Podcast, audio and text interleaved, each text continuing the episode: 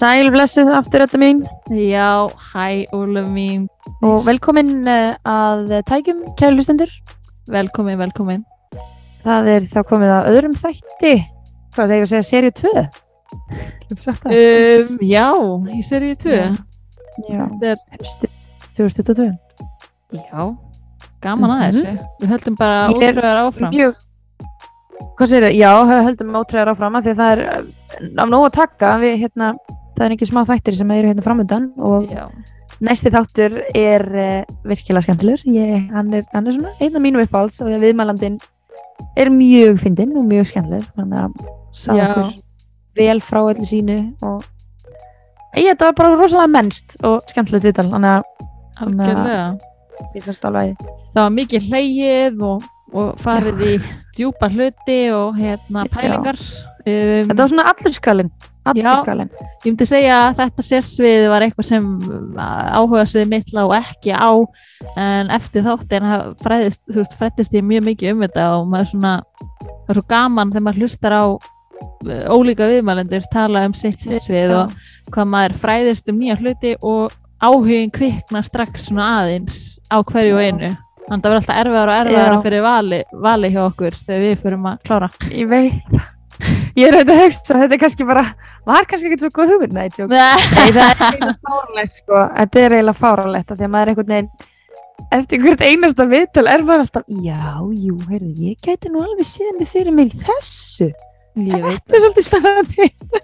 Þetta er að- nefnilega, það það er það skemmtilega við að hlusta og líka bara með hvað allir eru með ólíkan bakgrunn og sumir eru með lækna í fjölskyldinni, aðrir þekkja engan lækni, þú veist, Nei. allar þessar ólíku leiðir og eins og í fyrri þætti þegar Haugur Já. talaði um hann hafi farið í sálfræði sem er mjög skemmtilegt og Já, alltaf að læra eitthvað nýtt sko. það er engin ákveðin bara ein ákveðin leið Það er, það er allavega búið að sína sig hér. Ég vona að þið allir, eða bara þeir sem er hlusta á allir hafi bara sjáu það að það er bara sama, sama hvað leið fólk hefur farið áður og það er alltaf leiðin í læknisvæðin ef maður virkilega hefur áhuga sko. Algjörlega og, já, og við, hérna, þetta er þess þátt tvö af fjórum uh, fyrir áramót. Uh, við tókum viðtal við Haug uh, sem var síðast þáttur. Haug, Mhm. Haugur Hjaltarsson uh, taugalæknir, endilega kíkja á það ef við ekki hlusta á það. Og núna kemur nýr viðmælandi og við erum mjög spenntar að leiða ykkur að heyra. Mm Og- Nei, eigum við ekki bara við ekki bara hérna sigla í- um, styrtaræðilina og, og hérna og kíkja svo á næsta viðmælanda hvað sér Ólu? gerum það. Hoppum í, í styrtalagan okkar snögt og svo dembu okkur í þennan þátt. Já, bara gera þið svo vel og, og njóti vel. Heyrðu, Ok, ég vil byrja að tala um krauma.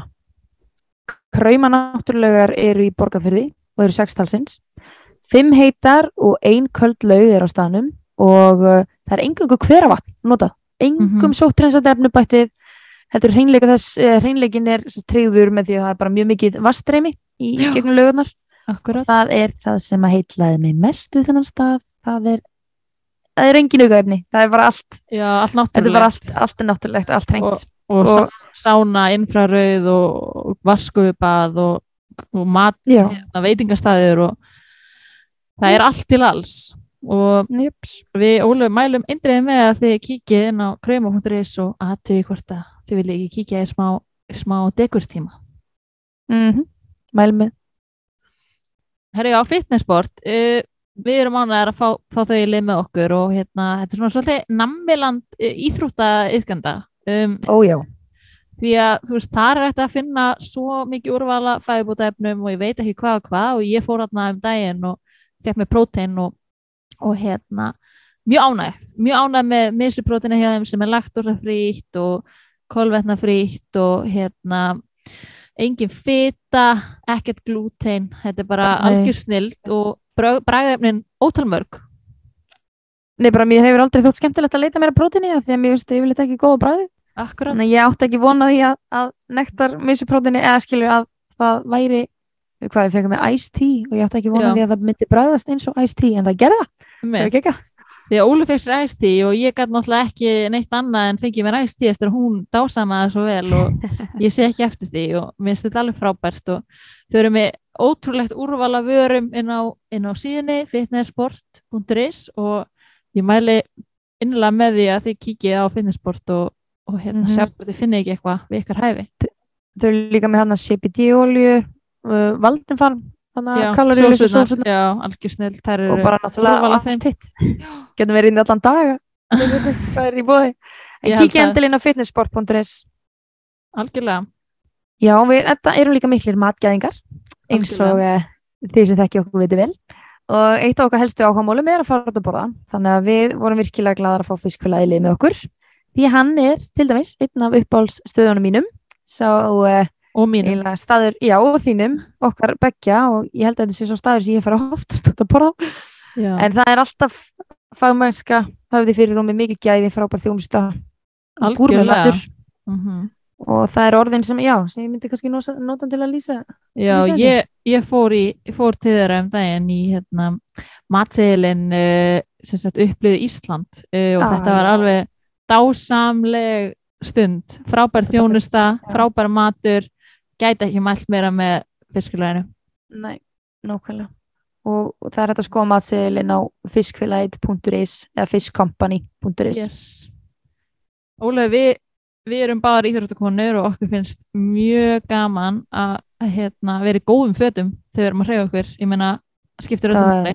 Skiptir öllu máli. og Define the Line eh, sport er uh, verslun og hérna internetinu og selur allskynns íþróttavörur fatnaður Mhm. sem sagt og hérna íþróttavöru fatna sem Mhm. og svona kósi galla vil ég minna Í, uh, mér finnst einstaklega eh, eftir ég fekk vörur frá þeim þá finnst mér einstaklega æðislegt að nota peysu sem ég er með því hún er svo mjúk hún er svo mjúk og ég bara þetta er náttúrulega mýgstu föt sem ég fara í, sko. algjörlega og ég bara ég dyrka að fara í hana, ég nota hana á hverjum einasta degi og Mhm. vassbrúsarnir hjá þeim eru líka dásanlegir þeir eru svona halda köldu vatni og Mm ég bara, mér finnst alveg frábært að, að hérna, fá þau með okkur í lið og ég, ég mæli með því að ef þið eru svona eins og við Ólef að hérna, alltaf að leita ykkur að íþrótafötum eh, að kíkja inn á Define the Line Sport og aðtöða hvort þið finni ekki eitthvað við ykkar hæfi Líka bara þeir eru kósi kúrar, sko. Þetta eru svo kósi föt. Svo mjúk. ángríns, ángríns define-the-line-sport.com Næsti styrtaræðin okkar er nú ekki að vera endanum, en það er húðfærun algjörlega, og uh, húðfærun er, sagt, býður upp á heildræna húðmeðferðir fyrir andlit og líka með það markmiði að bæta heilsu húðarinnar á náttúrulegan hátt með náttúrulegum aðferðum sem er einmitt það sem heilla okkur mest við staðinn og það er kannski sérst í þeman okkar að við erum mjög, við heillust mjög mikið af, af, af fyrirtækjum sem að nota mikið náttúrulegar afurðir og þess að þar og við kíktum til þeirra og prófum húðslipun og Mhm. fengum virkilega persónulega þjónustu og góða þjónustu sem hlustaði vel á okkur. Og ég til dæmis er með mjög þurra húð og þær melti þá frekar með að ég fær í serum húðslipun heldur en demanshúðslipunina sem að Edda fór í og því og bara kipti liðin með þið sammi.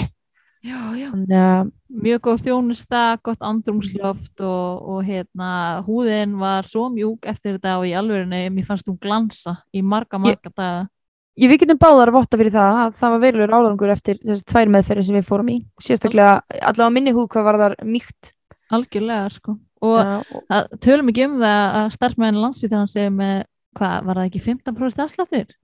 með framvísun hérna skildir eða svo satt Já. gegn framvísun skiptanis og mæli með að, að fólk kíkja inn á húðfærum.is að þau bjóðu upp á ótal meðferðir og það er hægt að sjá fyrir og eftirmyndir og, og mjög, mjög nákvæmar uh, lýsingar á öllu. Þannig að klálega kíkja á þetta, mæli með. Check it out. Við Ólöf kynntumst náttúrulega á matakjallaranum í den og hérna þar stopnaðist vinskapur með okkur og, og þess vegna eru við svo ánæður að fá matakjallaran í lið með okkur því að við einfallega elskum matinn á matakjallaranum matgeðingandir ekki bara það heldur þjónustan frábær andrúslofti svo indislegt og ég veit að við unnum þarna og við erum kannski með okkar eigin skoðun en allir sem ég þekki sem þekki ekki til þeir elska matakjallaran og spurja oft mm -hmm. hvar var þessi staður og hvar er hann Mhm. því að margir veit ekki hvar hann er en hann er æði mm og það geta allir fundið eitthvað við sitt hæfi vegan, grammetisrétti ímsa Mhm. kjött og fiskrétti Já. Þannig að, já, og hægt að sjá úrval og allt inn á matakjallarinn.is Já, endilega kíkja að það að til hvort þið vilja ekki fá okkur eitthvað gott í goggin. uppáhaldsréttur minn, túnatartar Yes, það verður engin svikin sem borða Vi- túnfisk og vi- af þessum rétt, þetta er sko við viðum Ólafa rétt. Ólafa rétt. uh, ég hefði ekki átt að nefna þetta því ég sitt hérna í Danmörku og get ekki farið á næstu dögum og fengið mér þetta þannig að Nei, ég held bara, ég held í mér ég held mér Þángu til næst. Herðu, Helsu Akademia Keilis, um, nýstyrtræðili, við erum ánæður að fá þau í lið. Þeir sjá um undirbúinisnámski fyrir inntökuprófi í læknis og sjúkraþjálunafræði sem við Óli höfum nú báðar um, farið í. mm -hmm. um, það er mjög mikil ánægja með námskeið og, og þetta er rosalega góður undirbúningur fyrir inntökuprófi og mjög margir sem hafa komist inn hérna heima sem, sem hafa einmitt uh, farið á þetta námskeið. Já, Eh, það námskeið hefst í janúar og hérna upplýsingar finnast inn á hilsuakademia.is um, þannig að ég mæli indreiði með því að ef þið er að hugsa um að fara í læknisræði og hérna vilji kynna ykkur þetta nánar að kíkja og sjá hvort það sé ekki við ykkar hæfi og við ég, ég persónulega mæli mikið með þessu námskeið því ég hef ekki farið í þetta og þetta hjálpaði mjög mikið. Þetta er mjög góður undirbúningur. Alveg gífurlega og maður fær farið í alla áfangana og allt sko þannig alveg í gegnum alla helstu áfanga sem, sem uh, eru í prófinu og, og hérna maður fær svona biblíu sem er æðisleg þannig að endilega ef, ef þið hafi áhuga á að fara í prófið að kíkja á þetta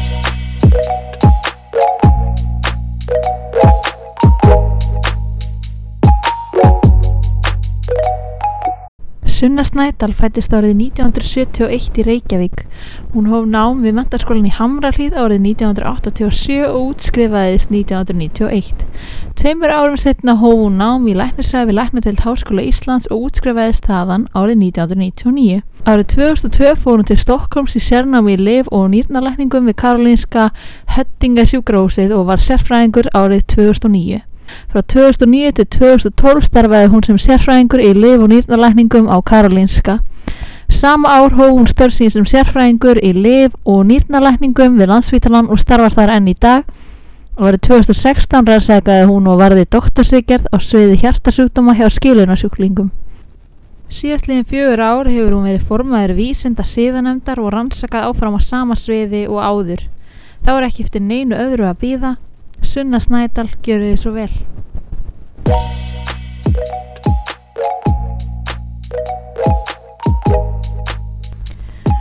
Vertu velkomin Sunna Takk fyrir kjærlega. Gaman að, gaman að fæða heimsók Fyrst- Sumleis. Fyrsti gestur eftir smá pásu hjá okkur Algjörlega, búið að vera langt síðan síðast. Já Veit að einhverju hafa saknað okkar en, en já, við ætlum bara þá að vinda okkur bara beint í þetta Mm og byrja að fá grenslas fyrir sagt, hver er Sunna Snædal? Mitt. Gaman að fá að lýsa sjálfum sér. Já, segja okkur aðeins frá þér á þínum yngri árum og svona, hver Já, ertu fætt og einmitt. uppalinn til dæmis? Ég er fættir Reykjavík og um, uppalinn að hluta til í Svíþjóð. Þannig að ég þegar ég var áttara og var þar í fimm ár þegar pappi minn var í sérnámi í öldrunarlækningum og mamma mín var að læra réttar félagsfræði. Já. Um, það veri áfangi, bara réttar félagsvæði. já, það er, það er fag, það er svona Ok. lögfræðileg félagsfræði svolítið. Vá. Mm Ekki sett neitt tengt læknisæði. Samt. já, en allavega, já, Reykjavík hella í tvö ár þar sem pappi var að taka kandidatinn, eða sett hérna skilduna sem var þá að vera út á landi í heilt ár og hann líkaði svo vel og okkur að hellu, þannig að þar hófi ég skólagönguna. Þar áttaði mig fyrst á því hvað að veri flott að vera læknir sem að, að því að ég veit að því ég er eftir að spyrja af hverju ég fór út í læknisæði þannig að það var svona eitt af því sem ég fór að spá í svona eftir á. Að hérna það var svolítið status að vera læknisdóttirinn og mikil virðing að vera náttúrulega eini læknirinn í plásinu eins og vera á hellu þá að mista kosti. Þannig ég hugsa að hafi nú lita mann eitthvað finnast þetta spennandi. Kannast kannski einhverju við það Margir sko sem að eru börn lækna fara alveg Öfuga átt sko, Já. Bara, já, nei, Nei. ég ætla ekki út í þetta. Svo er svo margir sem spyrja hérna, einmitt, svona, hef ég heyrt í svona gamla daga eitthvað við börn lækna Já. hérna, já, ætla þú ekki síðan að fara í læknisræði eins og pappin eða mammaðin og það er oft svona, nei, Nei, alls ég ætla ekki að fara. Nei, nei, það myndi öll mín börn segja allavega. en þetta heitlaði þig Já, það gerir það. Já, svo var ég fimm ára út í síð og svo kom ég heim og var í e, hlýðunum í hlýðaskóla og fór í MH og það voru, e, við vorum svona ansið góðu kjarni sem að myndaði svona vinahópur sem að heldur endan dag í dag í hlýðaskóla. Ég var þar í svona cirka nýjöndabæk, byrjuði að vera alltaf saman. Einhverjir kölluði okkur með miklu háði trivial og kakoklíkuna að því að við vorum mjög mikið hittast að spila trivial, drukkum aldrei kakó en þú veist, við spilum rosa mikið trivial og rættum svona, þú veist. Með kakónu hefði þetta hljómað eins og klúpur sem ég hefði Akkurat. ég er bara í kaffi sko. og þú veist, fyrir þá sem kunna trivial þá eru bleiku og bláu spurningarnar upp á haldið mitt ekki grænu? Nei, ekki græn sagan. Alltaf. grænu er einu sem ég get svara sko. nei, ekki þarna sko. Nei, saga er landafræði Nei, hérna, þetta bláa er landafræði Já. Bleika er svona frækt fólk Já. og popkultúr Og svona. sko. mín leið inn í spil með, með eldur bræður mínum var bara, já, já, grænt hérna, einmitt, aðeins. Þeir kunna, þú veist, þeir kunna aðalega bláu og, appi sinu gul, sko. Já, við fylgdist allavega að þessi vinahópur og það hefur nú örgulega lítið mann líka svolítið að við vorum nú nokkur sem endum í læknisvæði úr þessum hópi, vorum átta manns og erum fjögur læknar úr þessum hópi þannig að ég veit ekki, maður, maður veit ekki hvað er hænan og ekkið sko, velst maður saman að því maður er áhuga á sem hlutunum eða, eða er maður að, þú veist, hérna hvetja vinið sína áfram einhvern veginn. En samt ára þannig að já, loka árin í MH þá hugsaði ég bara, þú veist, ég vissi eiginlega ekkert hvað ég vildi gera. Nei. ég var ekki svona enni þessum sem var hérna, meðvitum að ég ætla í læknisvegi Nei, ég- ég man eftir að setja á matgarði fyrir þá sem hafa verið í MH sem er hérna stóra, stóri salurinn niðri. Og flett í kennsluskráni fyrir HÍ það voru hún gefin út á pappirsóni og reyna að finna eitthvað annað heldur en læknisvegi man eftir að staldra þessi sálfræðina bara já, kannski ætti ég að fara þanga þú veist, ég er alltaf hérna eitthvað á trúnófi fólk og svona. Er það ekki eitthvað fyrir mig? En mér fannst það bara ekki alveg nógu spennandi. En svo fór ég reyndar, tók mér bara breyk eftir mentó og hugsaðinsmáli og fór til Spánar að læra spænsku, bjóði Sevilla í tvo mánuði og svo fór ég til Sviss af því ég held að það væri góð stæði til að læra þýskuna mínu betur. Það var miskilningur ekki franska og ég sko þetta var svona mörkunum á þýska og franska Já. hlutanum vel og þeir tala það sem kalla Schwitzerdütsch Já. sem er svona afbökuð þýska. Oh en ég var þar samt sem þjótt á skíðuhóteli í nokkra mánuði. Og afreikaði það að fara aldrei á skíði á þeim tíma sem að vinum mínum fannst hræðilegt. En hérna ég hef lært að skíða setna sem sagt. Svo gaman á skíðum ég hef aldrei farið að skýð, sko. Ah, það er ræðislegt missa miklu. Já, tengda tekur- fjölskylda mín er öll í því, sko ekki, ekki, ekki ég þú, sem þú átti þetta bara eftir. Já, þetta eftir, ég er alltaf á leiðinni sko. Þrjá vetur er búin að vera á leiðinni. Já, Kannski fer ég bara næsta vetur. En svona við bökkum að- aðeins aftur í tíma en hvernig hérna var, var persónleikin þegar þú varst barn, varstu opin eða feimin að eðlisfæri nei, nú hlæja einhverjir vinni mínir ef þeir hlusta á þetta. Nei, held ég hef aldrei verið næstistaklega feimin ég hef kannski verið óörg með mig en það er nú bara eitthvað sem að ég geta falið fyrir umheiminum. Mér hefur alltaf fundist að það verið nöðsynlegt fyrir umheimin að fá að heyra hvaða skoðunir ég hefði á hlutunum. Það væri ómissandi. Þannig að ég man alveg eftir mér svo að ég var lítil að sækjast aðeins eftir aðtikli og svona. Varst að að- dansa fyrir gestina já, svolítið svo leiðis Ó. svolítið svo leiðis Við var erum með í dansi og steppi og svona. Já, lærið það, Það- á Íslandi? Eða? nei, í Svíþjóð. Síþjóð reyndar já, stepp, byrjuðu Já. steppdance Mhm. er það svona með skónum eða? Já, svona járnmyndir, já. oh my god. Er Ég- það ekki kent hér það á Íslandi? Þau eru klengst þar. Ef einhver, veit við já, einmitt. Það væri mjög gott innlegg í þetta allt saman akkurat Mér finnst alltaf riverdans svo skemmtilegur Mhm. þegar ég sá það í það sjónvarpinu. það er, ekki, það er náttúrulega ekki stepp Nei. en þeir eru Nei, samt þeir eru samt í svolítið í þá áttina. Já, þeir eru svona írst já, stepp já, Já, nákvæmlega. eitthvað. Mér finnst það skemmtilegt, þeir eru alltaf svona mörg í hóp já, og já, já öll að gera eins það. Ég hef alveg farið á YouTube bara Riverdance segjengum Nei, vá, einmitt, þetta voru áhugaverður upplýsingar. Þetta verður ekki kvetta út af Nei, þetta nákvæmlega. En þú varst í dansi og einhver svoleiðis, varstu í íþróttum eða? Nei, það var eiginlega mín, mín íþrótt svona og svo, já, eitthvað píano og, og svona, stýtt lítið að hverju. En um, e, já, einmitt. Er mikil tónlist í fjölskyldunni eða? Nei, þetta var meira svona, ég var píntilsilega píano, Nú, sko, ok. það var meira þannig. Svo flott alveg. Já, já, rosa mikilvægt að kunna píano Nei, það var, jú, jú, mamma laði mikla áherslu á það að við myndum læra eitthvað hljóðfæri. Ég var nú í sama herbergi og sýsti mín þannig að ég var 13 og við flyttum heim frá Svíþjóð. Já. og hún spilaði á fýlu, Já. mér til mikill rama. Mm. og er farin að rifja það þá þekkingu sína aftur upp núna, svona í tilöfni af ammælum og svona Var það Þannig að- fílu duettinn hann að Já, einmitt, sem að þú hefur heyrt af akkurat, akkurat sko, eh, hérna, eina hljóðfærið Já. sem að bræður mínir, allir saman sömdu við mömmu og pappa um að ég myndi ekki fá að læra á. það var feila já gáfulegt, gáfulegt þannig að ég get ímyndað mér nei, það er samt svo grútlegt að sjá Já. krakka spila á fílu Mm. það er alveg æðislegt Mm. svo rísa stort í hendar Ú, en ert þú stóri fjölskyldu? Já, ég held að meina vel að segja það að ég á e, fjögursískinni já, er elst e, það er af tvö allsískinni og tvær yngri Mhm. systur um, Já, stór fjölskylda, jú, ja, ég veit ekki Hvað, hvað kallar maður stór fjölskyldi? já bara þú veist það fjögur sískinni er, er Það frekar- stór fjölskylda sko. En hvernig er fjölskyldur við í dag? Áttu maka og börn og Ég er með þrjá krakka, þau eru nú valla mikið krakka lengur, þau eru orðin 24 og 21 og svo einn sem er að vera 15, núna í ágúst. þau ætla ekkert í læknisræði svo mamma sín Ekkert þeirra ætlar, það, þau garantera það að þau ætli ekkert þeirra í læknisæði. En hvað veit maður svo sem? sjáum til Sjáum. Já, til. sjáum til, akkurat.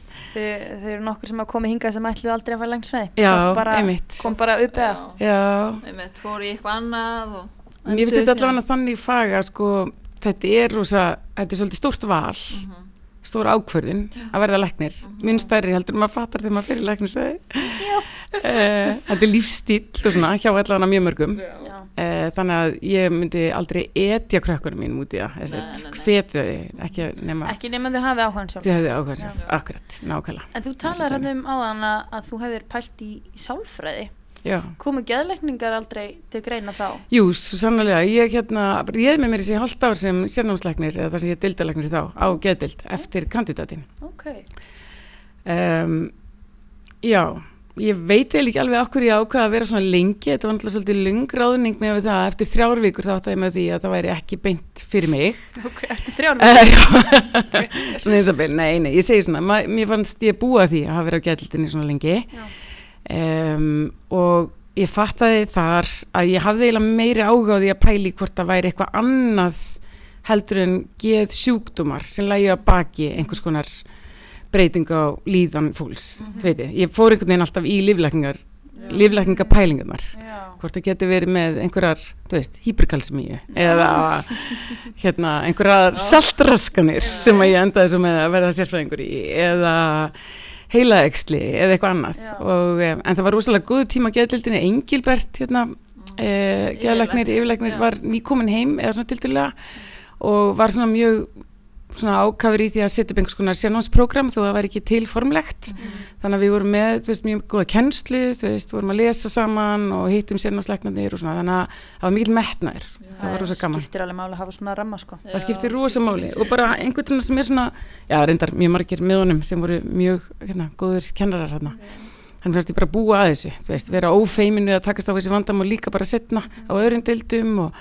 kunna þessu meðferðnar og, og svona fyrir þá sem ekki vita þá er læknisfræði náttúrulega mjög mikið samskipti, það snýst Já. mikið um samskipti þú getur alveg valið er sérgreinar þar sem þú ert ekki mikið í samskiptum en eiginlega allar hinar greinarnar veist, snúast mikið um samskipti hvort sem það er við, við þá sem að þú ert að hjálpa eða hvort það er samstarfsfélagar eða eitthvað, aðstandendur þannig að þetta er klálega hjálpar í öllum, Mhm.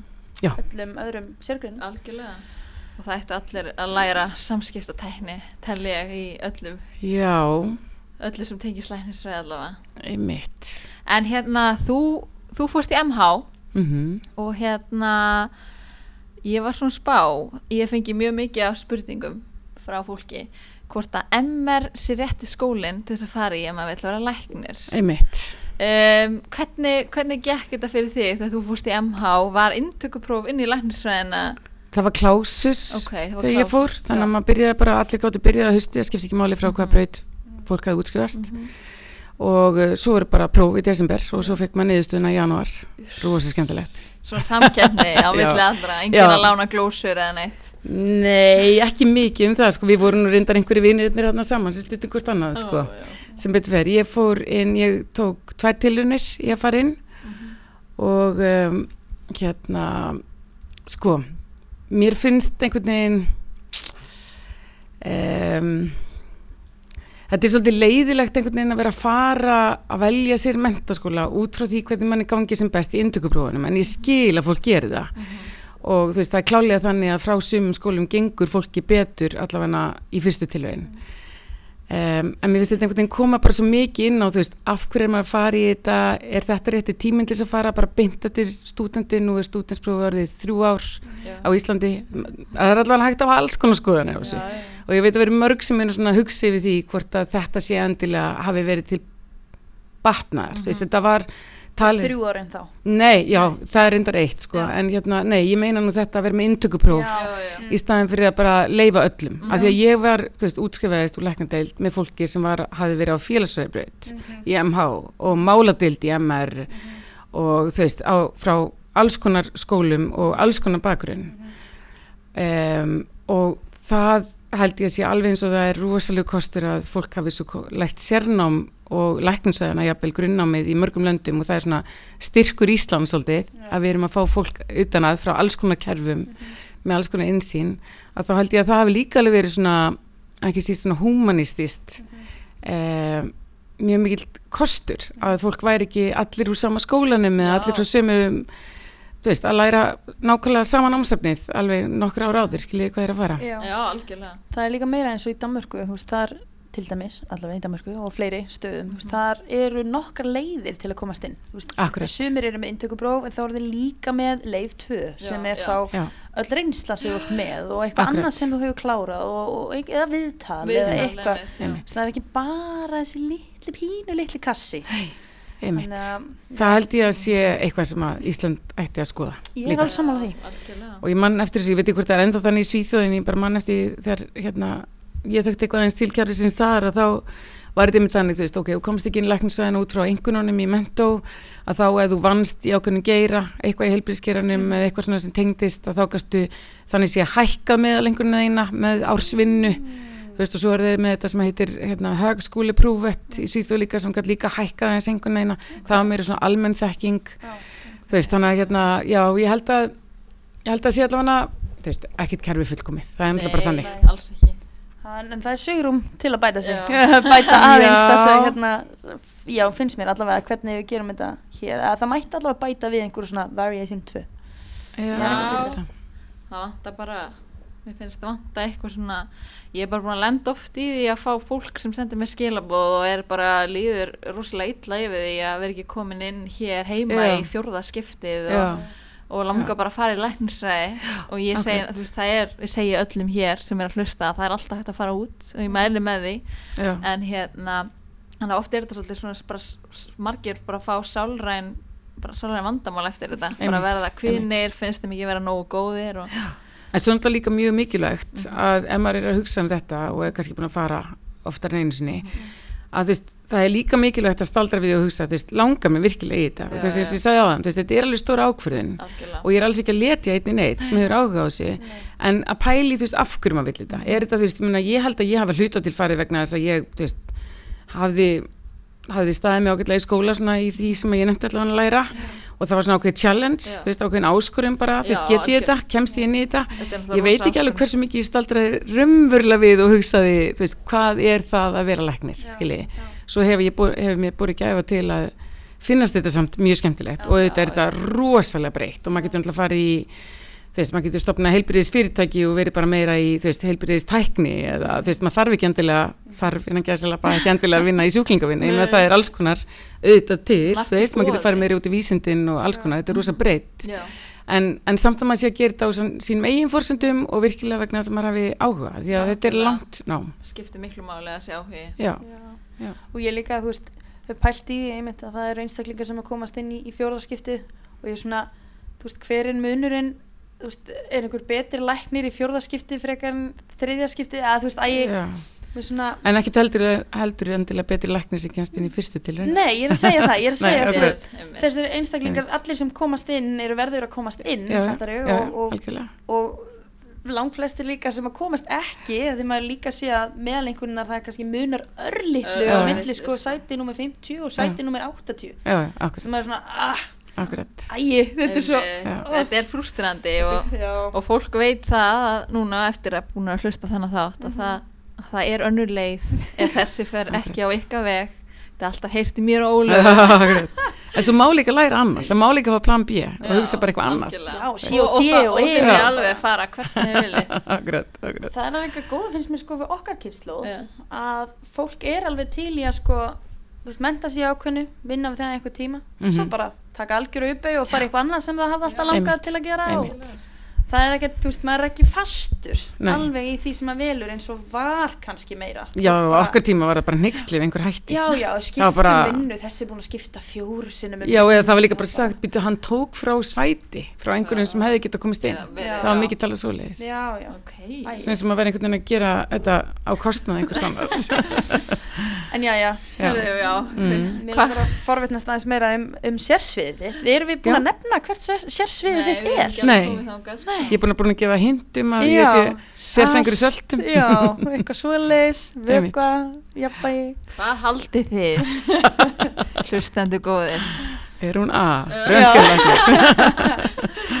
En þá mátt þú eiginlega segja okkur hvers konar sérmentun hefur þú á bakinu Já, ég er sett liv og nýrnalæknir. Eh, Þannig að e, tekur henni nýrnalækningar sem undir sérgrein fyrir líflækningar. Já. Og líflækningar er svona grunnur fyrir fög eins og hjartalækningar, meldingar, lungna, smitt, ofnæmis, giktar, nýrna. Ég er auðvitað að glemja einhverju. Allána.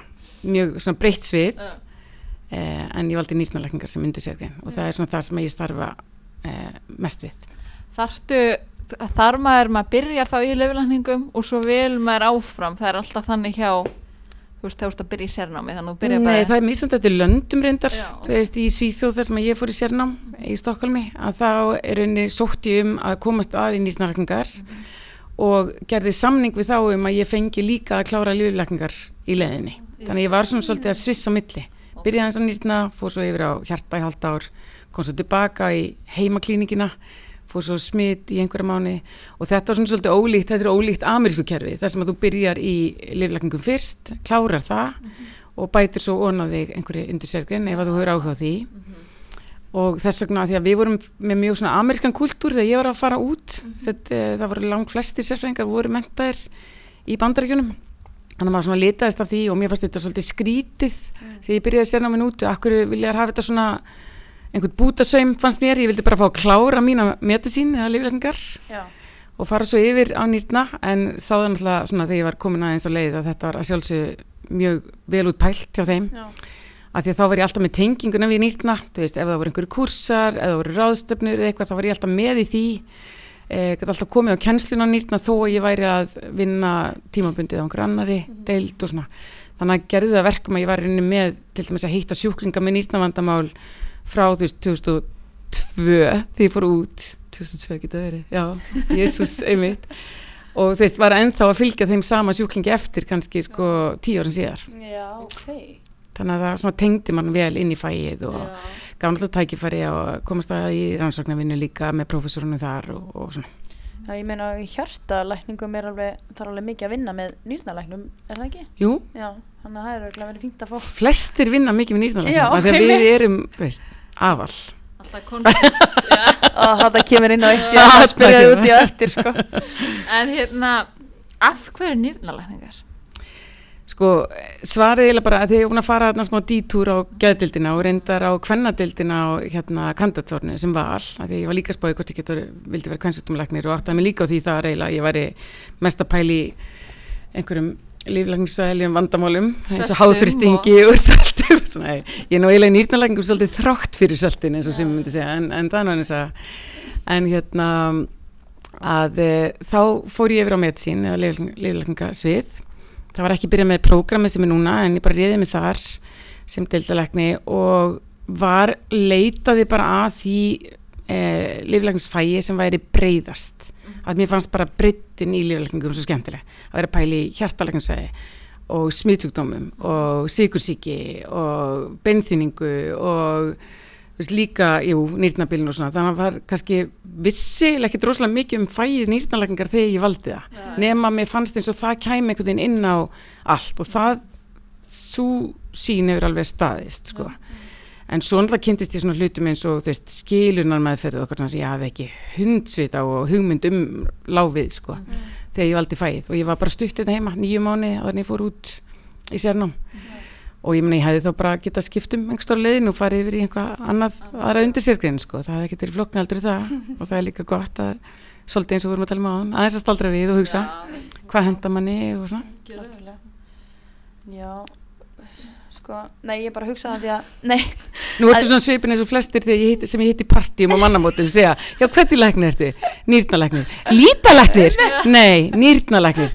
Ah. acidosis og ég, ég, Aðalega veit fólk ekkert út af hvað nýrnalækninga ganga og svona meina nýrnasteina, nei það eru svagfæriskulæknir. Ó, hvað er það eftir? hvað er það eftir? Já.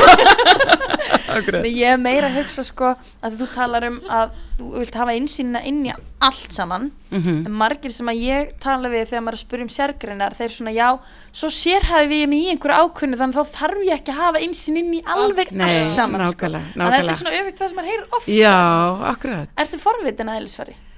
Já, já, það er ég alveg bótið þetta akkurat og svo bara er þetta svo mikið svona veist, þetta er svo mikið svona púslufag hérna reyna einhvern veginn að púsla saman alls konar enginum og svona, ég meina og við Ég, ég er algjör spítalamanniska sko. Þetta er mikið spítalafag reyndar alveg hægt að vera á stofu líka en, en hérna, mér finnst þetta rosalega skemmtilegt að við séum að vinna mitt með svona mörgum. Við förum mjög mikið á skurðdeldirnar í ráðgjöf við förum mjög mikið á gjörgjæslunar að vinna með sjúklingur sem eru þar að því að bráður nýrna skaði eða svona acute kidney injury Já. ennsku að það er svo algjönd vandamálinn eins og gjörgjæslum hvort sem er eftir stórar aðgerðir, hjartaðgerðir eða sepsis eða síklasótt eða bara ímsa veist sjúkdóma þannig að maður er að vinna svo breytt með svo mörgum þú veist, eh, kvennadildinni þú veist, vandamál sem kom upp á meðgöngu nýrna sjúkdómar á meðgöngu eh, háþrýstingsvandi sem að kemur náttúrulega, mikið er ágjöfi heilsugjæsluna eh, mikið með sikursíkis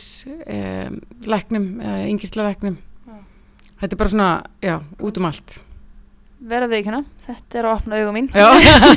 Ég vissi þetta ekki allt nei, nei, Eða kannski meira Var ekki búin að setja það í samengi Eða kannski freka það Einmitt. En þér þú ennþá að vera að, þú veist, læra eitthvað nýtt? já, hvud, já, bara ekki nóg Ekki þú? þú veist, aldrei tími til þess að læra allt einhvern veginn Meira info og hvert. Já, ég bara, vill maður ekki alltaf gefa sér meiri tíma í að lesa meira og, og svona.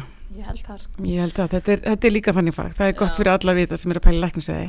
Maður hættir aldrei og það þýðir ekki að hætta. Það þýðir ekki að hætta að vera forritin. Alltaf, það er líka alltaf mikið framþróin í öllu. Akkurat. Það kemur alltaf eitthvað nýtt og maður þarf alltaf að læra eitthvað meira. Já, það gerir það sko. En af hverju valdur þú Svíþjóð? Var það af því þú ólst þar upp eða þú hafði tengingu eða var það eitthvað annað sem stjórnaði. Sko, ég var svo sem alveg opinn fyrir ímsu en það var samt eh, svona fjölskylduvænt. Ég var komið tvö börn að næða við. Með tvö börn áður en flyttum út. Og um, það var eiginlega svolítið út úr myndinni fannst mér að reyna að fara í, í hérna, sérnám í bandaríkjunum til dæmis. Og já, ég vil eiginlega ekki hallmæla nein- hallmæla neinum öðru löndum að því að einhvern veginn, þetta er svolítið í þessu hver, hver þykir sinn full, full fagur sko. en auðvitað var það þægileg leið að fara til síðar því ég kunni sænskuna en það var samt ekki það sem reyði úrslitum sko. bara meira svona þú veist, við fórum hérna í viðtölu hérna fyrirhandi maður minn líka leknir og við fórum í viðtölu á mörgum stöðum í Svíþjóð, þú veist, við skoðum okkur um á svona, stærstu centrum Gautaborg, Stokkólmi og Lundi aðalega og mér langaði nú eiginlega ekki aftur til Lundar ég hafði búið það sem krakki og það er indislega staðar en mér fannst svona að flytja lengi út til útlanda kannski tvisar á æfinni og velja þá einn og sama bæinn, það var ekki alveg að fara að gerast. Það er ekki að takmarka þetta að gera kannski í lundi. Já, það er alltaf geggjast, staðsetningu upp á bara allt og, og fólk fær mjög gott sérnám þar og svona, það vantar ekki sko, mikill háskólabær og tengi ykkur með alveg og svona. Nei, einar með já, og bara spennandi farið til Stokkólms, bara stóri borg og þú veist, mikið innflytendur, mikið kultúr, þú veist, mikið fjölbreytni, eitthvað annað heldur en að vera áfram á Íslandi, þú veist, eitthvað annað heldur en Reykjavík, ekki fara að svipa stóran stað á Reykjavík til dæmis heldur. Og ég held að það sé líka svolítið mísand reyndar að því að hérna, það fer eftir svolítið hvaða fag þú ert að fara í. Já. Þú veist, ég meina ef að til dæmis þeir vinið mínir sem hafa verið skullækningar þar eru ekki geta henda vel að fara á eins minni staði til að byrja með því að þú færð ofta að gera meira á minni stöðum sko, færð á meðan þau voru svolítið basli með það sum sem voru á stærsta spítalanum það sem ég var í Stokkulmi Já. þannig að það er svona fyrir svolítið eftir í hvað maður er að fara Þetta er svona góð vingil, gott að hafa þetta í huga líka algjörlega. þegar maður er að velja Þú sagðir áðan við okkur þegar við spillum hérna að spítalinn sem þú varst á sem Karolinska í dag mm -hmm. hva- hét hann eitthvað annað þá? Já, hétt bara Huttingi spítalin Já, ok. og það er bara, þetta er svona svolítið eins og landspítali Fossur og, Já, veist, landspítali Ringbröð, svona sitt konum staðnum en rauninni bara í mikilli samvinnu og svo er bara saminað svona svolítið á pappír, en eru samt sitt hvort spítalin áfram þannig að Karolinska er bæði norður Svíþjóð og nei, Stokkólmi segi ég, Já. og suðu Stokkólmi Ég sá hérna, einhvern tímann á íslenskum læknumum að kom læknirinn og hann var á Karolinska, ég man ekki nákvæmlega hver það var en hann var á hlaupahjóli, öruglega Hannes Sigur Já. Mhm. hann var á hlaupahjóli um sko, spítalan Mhm, og akkurat. því hann er svo stór og ég, mér fannst svo æðislegt að vera Já. læknir að hlaupa Já, akkurat, akkurat Ég var svolítið mikið að vinna með hlaupa Já. líka svo, Það er svo fristandi á svona löngum göngum Já. að vera að hlaupa hjá Já. Þetta var mjög næs Já. En heyrðu, hérna var mikið samkeppni eftir stöðu í sérgræninni á úti þá Um, nei, það var það í rauninni ekki. Um, þetta er nú svolítið fag sem vantar alltaf svolítið í og uh, það var svona alveg ljóst að væri frekar auðsótt að komast að á öllum þessum stöðum þar sem ég fór í viðtöl. Um, sá sem að réði mig, Úli Heimburger sem ég þykir svakalega væntum var eitt besti yfirmaður bara að verð. Uh, hann sagði í viðtalinu sem að var uh, tveir tímar held ég. Þar sem hann talaði svona 90% af tímanum. Og hann sagði, já sko við ráðum þið til reynslu í halvt ár og svo sjáum við til. Þú gætur alltaf verið sikkupati sagði hann. Jú, jú og ég reyði þetta fyrir honum mörgum árum setna hann sagði ég trú ekki ef ég sagt þetta. En hann meinti náttúrulega bara það þú veist, þú þarft að sanna þig og koma í ljós hvort þú virkar hérna. Já. og mér varst þetta náttúrulega svolítið saklegt en auðvitað er það þannig fyrir flesta að maður verður ráðum til reynslu. En það var náttúrulega svolítið stór ákveðin að fara út með fjölskyldu og verður svo sagt þetta alltaf heyrði við, nei. Computer session Eh, Já, þú ert ekki alveg að virka þetta. En hvernig er þá, hvernig var ferli fyrir þig þegar þú sóttir um, þú veist, sendur brefið að fóstu út og skoðaðir eða fórstu Já, bara bæði. Já. Sendi bara fyrst á undan mér og, og fekk viðtöl og fór svo og skoðaði, já, Já. í viðtöl. Já. Ég held að þú veist, allir vildu fá að hitta mann, sko. Það var svolítið þannig. Já. Og það var alveg ferðarinn að virði líka bara fyrir mann sjálfan, þú veist, bara Já. lapp inn á spítaranna, þú veist, lapp um í borgunum, aðeins að bara svona, finna já, Finna sjálfan já, fá svona smá tilfinningu fyrir þessu, já, nákvæmlega. En hvað var þetta svona langt nám þóngu til þú varst sérfræðingur, bara alveg Sko alveg sjö ár fyrir báðar sérgrinnar. Þetta er náttúrulega sitt. Já, já. Þannig að eftir einhver ár, veist, ætlaði ekki verið þá fimm ár sem að ég er reyni komið með liflækningsvæðina Mhm. og viðkenningu fyrir því og ef maður er komið viðkenningu síþjóð þá getur maður líka svo um viðkenningu á Íslandi. Mm Mhm. Þeir, veist, við tökum gilt það sem er þar og svo bætti við, veist, aðeins viðbútt fyrir nýrna. Þá tvö auka Já, en þú veist, ég var samt búin að vera í nýrna Nei, nei, nei, sjö allt í allt Akkurat, akkurat. Og svo vann ég út þessi sérfræðingur þá í þrjú ár. Ég átti reyndar eitt barni viðbútt þarna inn á þessum, tíu árum En ég var í tíu ár úti. Var það, ég veit að margir nefnilega sem eru pælægnsvæði, þeir hugsa mikið um fjölskyldu þátt Já. sem Mhm. við hefum komið inn á í öðrum viðtölum líka. Mm þannig að mér langar að forvöldnast hvernig, hvernig var þín upplifun að því að eiga börn í námi? Var, var, var þetta erfitt eða var það alltaf bara þetta á staðan og þið bara aðlöðuðu ykkur alltaf að nýju, nýjum aðstæðan Já, sko Ég veit ekki, er þetta ekki alltaf einmitt svolítið viðhorf manns einhvern veginn, Já. hvernig og, og það að maður dvelji kannski ekki droslega mikið í því er kannski líka viðhorf. flestir segja það sko. Það er bara, Já. þú veist, þetta er bara, fólk eignast börn sko, Sko, ég- bara já, ég veit það, heldum einmitt. áfram í lífið sitt sko. Akkurat, sko ég, ég átti hérna elsta barni mitt, stróki minn eh, eftir 15 ár. Og þá var sett medisín og kýrugi á sjötta ári eh, sem er núna á fjórða já, þannig að þetta var svolítið omvend sko. Og eh, það er svolítið þungt ár og það var mikil viðveru skilda hérna, önnina, sett vorunina en um hausti vorum við bara í hérna, bókliðu, sett bara fyrirlesturum þannig að ég mætti einu sinni viku í skólan í nokkra tíma og það var svolítið erfitt. Og ég efaðist mjög mikið um getu mína til þess að klára þessi próf og þetta ár á þess að þetta senka mér.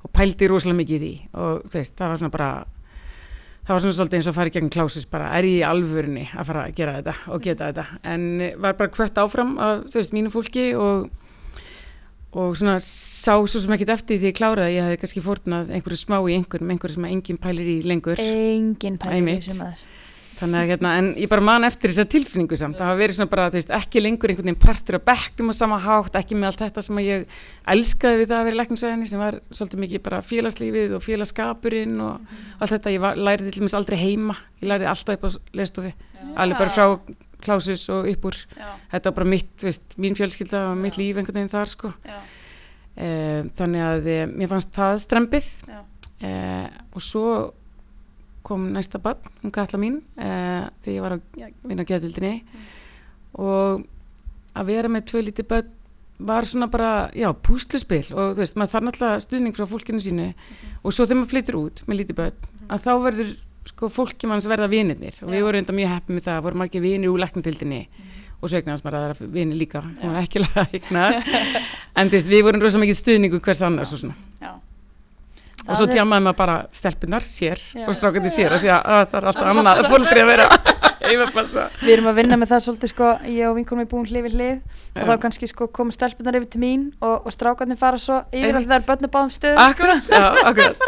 Það verður bara að finna út úr þessi Nákvæmlega, maður er að halda líka, það er mjög mikilvægt. En það er endar góðu punktur samt eins og segir að það, maður eignast svolítið eins klísukjönda á hljómar, ég veit það, en þú veist það er sann satt, maður eignast svolítið aðra fjölskyldu af vinnum þegar maður býr ælendis í kannski, þú veist, ekki nefnilega stórum bæjum eða eitthvað, en þú veist, og er partur á ákveðinu samfélagi, veist, það er, það er mjög dýrmætt líka. Maður Já. hefur verið saman í gegnum highs and lows Heldur betur alveg sko Og svo líka bara, þú veist, ámars mikið í krökkunum Nú eru, þú veist, krakkanir okkar Vinnana eru, þú veist, einmitt að útskræðast stúdent eða fermast eða eitthvað og þetta eru krakkar sem að ég er búin að þekka síðan þau voru pínu pínu pons Já. og voru mikið heim með mér og ég er mikið heim með þeim og Já. svona það er ótrúlega gaman að Já, fylgjast með það er það og, þú veist, Hára rétt, sko. mm. Er ekki ekki. Þannig að En- já, þessi tími er ekkert eitthvað sem að maður lítur á sem óbúslega erfiðan, hvorki sérnámið niður, þú veist, í deildinni eða eitthvað svona, þetta bara, svona var þetta bara, þú veist, en ég man reyndar eftir því að mamma saði einhvern maður við mig um, þegar krakkarnir voru litlir, kannski svona eins og þryggja eitthvað svona og ég var eitthvað að brotna örgla, þú veist, yfir þessu hvað ég væri, þú veist, á einhverju sólarinsvöktum og sæki börnin og svona, að, sinna mín, gerði þið bara grimm fyrir að börnin þín eru og verða leikskólabörn. Og mér fannst þetta rosa svona hart. Mm. Og hún myndi bara reyni, sætti bara við að þau verða, já, langa dag á leikskóla og svona, en þau veist, skadast ekkert af því, Mhm. þvert á móti veist, þetta er bara þeirra Mhm. heimur og þeirra líf og svo er maður bara góð mamma samt, eða góðu pappi samt. Mamma mín tala alltaf um það að hún er leikskóla stjóri að ment, mm að það er tíminn sem að maður reyðir með börnunum sem skiptir máli. Það er svolítið svolítið. það passa akkurat, það já, akkurat. Svona er þetta bara, maður vinnur og þá meðan eru börnum á leikskólanum. Já. Þetta Svo bara fólk snýðir sér stakka Já. til vextið, það er bara þannig. mm En- já. er eitthvað svona sem þú hefur vilja vita áður nú fórst í sérgræna er eitthvað sem kom á óvart eitthvað sem þú áttir ekki von á? Nei, nei, nei, þú veist, jú, all, fullt sem komið óvart, jú, Jésús, heldur betur, þú veist, hérna, ég, já, akkurat, nei, nei, nei, ég held ég að við átt að með vel á þessu því að ég var að lesa um píluna frídag, hérna meinafræðinni, ég skildi þetta allt saman. Nei, ég bara, ég, veist, þetta var það sem ég vonaðist til, þetta var mjög fjölbreytt og er mjög fjölbreytt. Um, maður kannski átta sig ekkit á því þegar maður er að byrja í sérna mig hvað allir hérna langveiku sjúklingarnir, þeir sem að fylgja manni mörg ár, veist hvað, það er er hansi mikill hluti til mis af því að vera nýrnalæknir. Og það er mesta áskorunin en líka kannski mest gefandi, skiljiði þú veist, það er það er rosa gaman að geta komið inn og einhver er rosalega nýrnabilaður, eins og kallið það þegar fólk er orðið alvarlega nýrnaveikt á gjörgjastlu og taka þátt í því til að snúa því ferli við og viðkomandi lappar út og bara veit ekki, áttir sér alltaf sjálfur á því tvei mánuðum síðar hvað hann var nálægt í að vera bara ekki með neinn nýru starfandi. Þú veist, það er rosa gefandi og skemmtilegt en það er kannski ekki síður gefandi veist, að hafa fyllt eftir, segjum bara stelpa á ykkar aldri kemur inn, veist, með alveglega nýrnasjúkdóm og fer í skiluna meðferð, annarkvort kviðskilun eða blóðskilun í einhverja mánuði þanga til að, veist, það er hægt að koma viðkomandi gegnum að fá í grætt nýra, að því að flestir ungir geta fengið í grætt lífari og komist út úr þessu nýrna beilunar ástandi sem að þeir hafa lettið mögulega út af einhverju og svo kannski fylgja þeim einstaklingi eftir í gegnum bara erfiðasta tímabil lífs þeirra að fara í gegnum skilna meðferð og, og hérna, allt sem því fylgir sem er bara hellingur og komast út hínum megin og vera með velstarfandi lífæri og eiga það kannski velstarfandi í 10, 20, 30 ár mögulega mm -hmm. ef allt gengur vel að það er líka svolítið magnað mm -hmm. og líka bara eldra fólkið sem er ekki að fara í gegnum ígræslu og er með veist, 75 ára áttrætt með margaðara sjúkdóma sem við sinnum oft líka í leiðinni að þeir eru svo mikið hjá okkur og geta, veist, gert það að lífa með langunni sjúkdómi eins bærilegt og hægt er með alls konar livjum og næringar ráðgjöf og svona sem að og svo kynist maður því fólki hrikalega vel Já. og það verður bara svona, þú veist ásóldi í manni og maður ásóldi í því sko Er göngudild mjög stór partur af? Já, Já. ég myndi segja það, göngudild sé hans er stór partur. Já. En svona típisk vinnuvika, þú veist, væri annarkvort væri ég með það sem við kallum ráðgjöf, sem er þá að sinna þessu sem ég var að segja ykkur áðan, sem að bara þú veist, það er ringt frá hjartadildinni, það er ringt frá gjörgjuslinni, það er ringt, þú veist, við erum að fara inn á milli húsa, fórsúur eða ringbröð, þú veist, fara upp á smitthúttumadild eða COVID-dildina þegar hún var að því að það var nú svolítið algengt að fólk fengið bráða nýrnaskaða í COVID, þeimist, eitt á svona fylgiviskunum eða heyra í kollegum á, á helsugjastunni út um allt land og gefa ráð. Mm -hmm. það getur verið svona típisk vinnuvika og þá er það já, mæta á alls konar deildir en líka bara mjög mikið símaráðgjöf. Svo getur næsta vika verið þannig að ég er þá með legudildina sem er þá nýrna, bara það sem að nýrna sjúklingar líka við erum með frekar lítið teimi inn á meldingadildinni um, og sinna því og svo getur þriðja vikan verið að ég sé á skilnadeildinu og það er næstu 100 manns á Íslandi í blóðskilun mm. og svona 15-20 viðbútar í því sem kallast kviðskilun mm. og þá ber maður svolítið lækningsvægilega ábyrð á þessum hópi og það getur verið svolítið svona hvað sem er, það getur verið eh, leggur, skilunarleggur sem virkar ekki og það þarf að tala við kýru skullæknarna til þess að laga það eða röntgenlæknarna og það getur verið hjartáfall eða hjartabilun það getur verið blóðeitrun út af eh, þýkingu sem þessi sjúklinga fá frekar og svo allt sem til er nýrna veikinni sjálfur þannig að þetta er mjög fjölbreytt. Mjög fjölbreytt. Og svo er göngudeldin þá alltaf, maður er alltaf einn dag í viku á göngudeldinni og það, það er svolítið svona mm. oft sama fólki sem maður er að hitta. Sumar maður að hitta mánalega aðra hálsasvesti. Er ekkert erfitt að ná utanum þetta allt saman? Að, veist, þetta er bara mjög fjölbreytt eða skilur, þú veist svona náðu þið að gera allt sem þið þurfið að gera þið komið svo víða við? Nei, við, náum, eða, veist, sko, við eigum við öll sammeilegt nýrnalagnar við erum svolítið svona nákvæmt fólk. Það myndir flestir aðrir kollegar taka undir það. Um, við til og með sérum alveg svona, fylgjum hlutum mjög vel eftir. Við erum ekki típunar sem erum til að bara svona Nei, eða bara svona kannski, þú veist, upp á gott og vond sko, að svona sleppa bara, heyrðu, það er einhver annar að sjá um þetta hérna, við erum svolítið svona já, er það samt? Já. og svo, þú veist, þannig að hérna en við erum, en þú veist, ákveðat þetta er náttúrulega kostur, ég minna að margar sérkunar takkandi það, við séum svona svolítið döglega við að mæta án þess að sé kalli okkur því við vitum að einhver nýrna veikum upp á deild og svona. Mm -hmm. eh, en að því að þið spyrju hvort maður ná að gera allt sko, maður vil gerðan gera einhvern veginn ennþá meira og ennþá betur og svona. Mm -hmm. en, en náttúrulega þetta varandi lestur líka því að við erum talað um það þú veist að fylgjast með og svona þú veist það er náttúrulega áskorun í mínu fæi eins og öllum öðrum. Mm þú veist manni finnst ofta eins og maður hérna, kunni þetta betur heldur nýtt og þurfi að þurfi helst að lesa meira heldur maður gerir eða hlusta meira eða fara fleiri ráðstöfnir eitthvað svona. En svo verður maður líka bara í öllum fögum átt að segja bara það má líka bara ræða saman og mhm. leita til annara og, og bæði hérna heima og líka ellendis, það bara heika ekki við það því að við getum ekki verið góð í öllu. Einmitt. En hérna hvað hva finnst þér þá svona erfiðast við vinna hérna? Bara svona sem er þingst í vinnunni eða tekur á salrana líðan? Erfiðast er náttúrulega því að maður gefur einhverja meðferð eða þú veist það er eitthvað sem virkar ekki. Þú veist það bara gengur samt ítla og þú veist, það er einhver sem að fer ítla út úr eh, einhver ástandi og, og ég menna ég held að geti flesti kollega tekið undir það þú veist að oft er einhver til dæmis ef einhver deyr á spítala eh, oft er náttúrulega fyrir séð og kannski bara búið að sætta sig við að veist, þetta er bara komið að lífslokum og, og þá er maður bara þar. En stundum ætlu, ætluðu við okkur að gera miklu meira og það gengur ekki og þá staldar mann alltaf við og hugsa var það eitthvað sem ég mist af, var það eitthvað sem ég gerði ekki, var eitthvað sem ég gerði af því að mörg líf og yngripp og svona geta haft afdrjóðríkar afleðingar líka eða var eitthvað sem ég gerði ekki.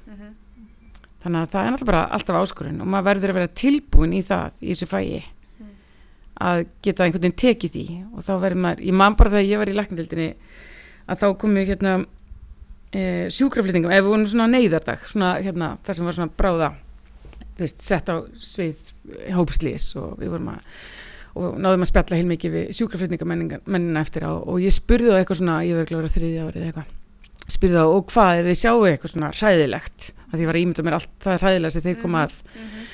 bílslis og sjálfsvíg og allt mögulegt veist, eru þið þá eitthvað svona með eitthvað svona debriefing ég man ekki alveg hvað þetta heitir á íslensku. Mm -hmm. svona viðrunnar já, svona, þú veist, að ræða málinn og fara í gegnum það. Og þeir bara nei, það voru við byrjun, mann ég. Þetta var þá, en þetta er sem betur fyrir breyst mjög mikið. Ég, minn, já, en, en læknar eru held ég með þeim verstu í heilbíðiskeranum að gera þetta samt. Mm. það er mjög oft sem að er sko veitir, við séum ekki að mikill partur af eins og deildunum.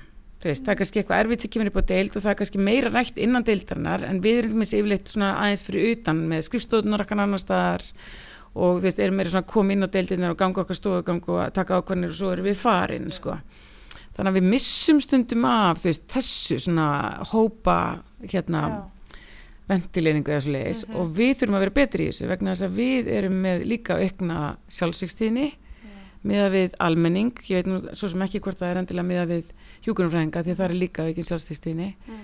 þunglindi mm -hmm. Áfengisnótkun þú veist, svo við fyrir nú inn í alvarlegu liðanar sko, bara burnout yfir höfuð, þannig að ég held að það sé sko, ég mikilvægt að við séum betri í þessu. Þetta er alveg samt mikilvæg partur að ræða því ég hef alveg talað við eh, með nemyndur og það eru margir sem tala um það já, jú, þú veist, heilast að skulleikningum sko en, en ekkert samt sem er eitthvað sko í stóru lífferðunum eða þú veist, að, ég vil ekki gera Þetta, ég, já, ég vil ekki nei. gera eitthvað, veist, verra en mm -hmm. það var eða mm -hmm. gera mistök sem að bara geta verið bara mjög ádreirík eða skilur, yeah, þú veist, yeah. haft eitthvað tölvört alvarlegri för með sér sko þannig að þetta er alveg bakvið eirað á flestum held ég nefnum og læknum og bara heilbrist starfsfólki yfir höfuð held ég sko þannig að það er alveg rétt sér það þarf að vera góð þarf að vera eitthvað góð strategíja sem að þú veist er hægt að hægt að hvað ég segja fá aðstóð já. í eða hvernig er ég að orða þetta ég veit ekki alveg en svona eitthvað, eitthvað stuðningsnett eða eitthvað, eitthvað afsækinslettina protokoll viðbrasáallun sem fer í gang þegar eitthvað svona kemur upp. Já, en svo er bara svo mörg atriði sem eru á grái svæði og það Já. sem að stuðar þig eða er erriðt fyrir þig er kannski ekki svo erriðt fyrir mig. Nei. Þannig að það kemur aftur inn í þetta með svolítið svona sjálfstekkingu. Já. Bara er þetta sitja hjá mér, þú veist, er ég hérna, er þetta eitthvað sem ég þyrti að ræða við einhvern? Eða, veist, var þetta kannski ekki það erfiðasta, veist, ég veit að við gerðum allt okkar besta og, veist, þetta bara fór eins og fór og stundum er það þannig. Leifur þá alveg, ert, ertu komið með alveg góða þekkingu á sjálfa þig? Hvenar þú þarfst að ræða og hvenar ekki? ekki alltaf að kynna sjálf sem betur þetta, þetta kemur eh, ég, ég er enda mjög heppin að vera bara með algjörlega frábæra kollega veist, þetta er bara svona ekkert feimnismál í okkar hópi að, að ræða hans málinn og Já. svona ég var að spá í þarna þú veist, mér finnst þess að ég hafi kannski mistað þess og þessu og, mm. og þá bara svona hægt að renna yfir það þú veist, á þess að fólk segi bara nei, látt ekki svona Já. eða nei, nei, nei, nei, þú veist, Já. þú gerðir örgl allt rétt, heldur bara virkilega fá að ræða í gegnum tilfellinu og svona. Að ég vil samt taka fram að maður gerir náttúrulega svo mikið gagn okkur með einasta degi, þannig að þetta er náttúrulega það er svo, þú veist, það er svo miklu starra heldur en þau mál þar sem manni finnst eins og maður hefur mísefnast með eitthvað Já, sko. við erum líka með það, þá erum við bara að tala um undartæringar þegar þetta kemur fyrir. Langmest, sem betur fyrr þá gangar hlutinni vel. Og það er svo frábært sko. En það er ekki bara sem skullegnir með stóru lífarinn sem að þeir tekst að gera mistök. Nei, það er líka Afdrífarík mistök, það er bara út um allt. Sko. já, Það er allstaðar sko. Já, það er allstaðar En ef þú færir, þú veist, getur farið tilbaka, myndir þú velja aftur? Þessa sérgrinn? Já. Já. Bara, ekki spurning. Þú ert bara réttir hitt. Já, já, já, já, algjörlega, algjörlega. Herðu, við ætlum að kíkja í ný, nýrun. ok, Hérna, ný, nýrun, þau eru mjög mögnuð og ég hef oft sagt við einmitt fólk úti svo fyndi í anatómi, fysiologi, allt fólki finnst mörgu hverjum erfitt að læra um nýrun mér Mhm. finnst það bara geðveikt skemmtilegt allt sem tengist nýrunum finnst mér Mhm. geggjað mhm, uh, og bara úrólog, bara úrólogi mhm. frábært, þannig að ég ætla að Mhm. spyrja þig myndur þú segja að nýrun veru upp á slífarið Já, vá, ég skil ekki, ert að spyrja með e þessu? Ekki hjarta, Nei, nei, nei, nei, nei, nei. Það eru nýrun. Já, ég finnst reyndar samspil hjarta og nýrna mjög, mjög áhvert sitt. Ok, ég er mjög glögg komin að þetta. Hér aftur, ég verða að nefna við þig, það er hérna, það er einhver, einhver hann er læknir já, á netinu já, á netinu, á YouTube sem er með svona sketsa þar sem hann er að gera svolítið grín af stereotypum í sérgreinum Einmitt, er hann á Twitter kannski líka? Já, Twitter og, og TikTok og Mm, þú veist, Instagram einmitt. líka og hann, Mm. er, hann heitir eitthvað um- Dr. Glúken Klakken eitthvað Mhm, Einmitt, já, ég sé og þar talar hann svolítið um sko valdabaratun á milli sko hjartalækna og nýrnalækna og þetta er svo fyndið en ég sá þetta fyrst þarna og því verði að spurja er þetta rétt? Er ágræn, er svona valdabarata þarna á milli eða? Ég sko ekki valda bara þetta en þau, þau eru náttúrulega ofta klúður einhverju málum að ná hjarta Já, já, já, sem við já. þurfum svo að taka til Einmitt? Nei, einmitt. nei, nei, ég segi svona en hjartalæknar vinir mínu myndi segja það að hérna, já þegar við erum búin að þú veist, þurka nýrin algjörlega upp eða eitthvað sliðis, þá hérna þurfið því að koma á. Eh, stundum tala á þennan náttin algjörlega. En þetta kannski, já, þetta kemur mjög mikið inn á samspil þessara líffara en jú, jú, jú, algjörlega, ég kannast við þetta ég kannast við þetta. Hann hefur líka talað um það mitt að, að, nýrnalæknar eða flesti lít á nýrnalæknarna sem sko, þú veist svona the ultimate lækna af því að þetta kemur svo víða við en þá er, eru hjartalæknarnir sko þú veist, ekki sammálaði ekki sko. samanlega, nei, nákvæmlega, nákvæmlega. Þetta er ótrúlega að fyndi við sínum sinni þetta á eftir. Já, algjörlega. En hérna hvernig var, manstu hvernig tilfinningi var þegar þú varst bara árðin fullgildur sérfræðingur í nýndiðalækningum hvernig leiði þér, fannst þér varstu kvíðin eða Ég var, ég var meira svona í alvöru? Er, er þetta, á ég að vera að koma með þetta núna og það er eiginlega svolítið það sem ég var að tala um líka á þeim þú veist, ég, meina, sko, ég veit ekki hversu mörg við vorum eh, sem sögum bara og margir sem fóru til síðar að því það er ekki beint sett upp sem svona veist, þessi ár þá ertu búin heldur þú átt að klára ákveð þú getur jafnvel ákveð að vera hans lengur ángur deild vegna sem finnst þú ekki að vera orðin nógu góður í einhverju. Já.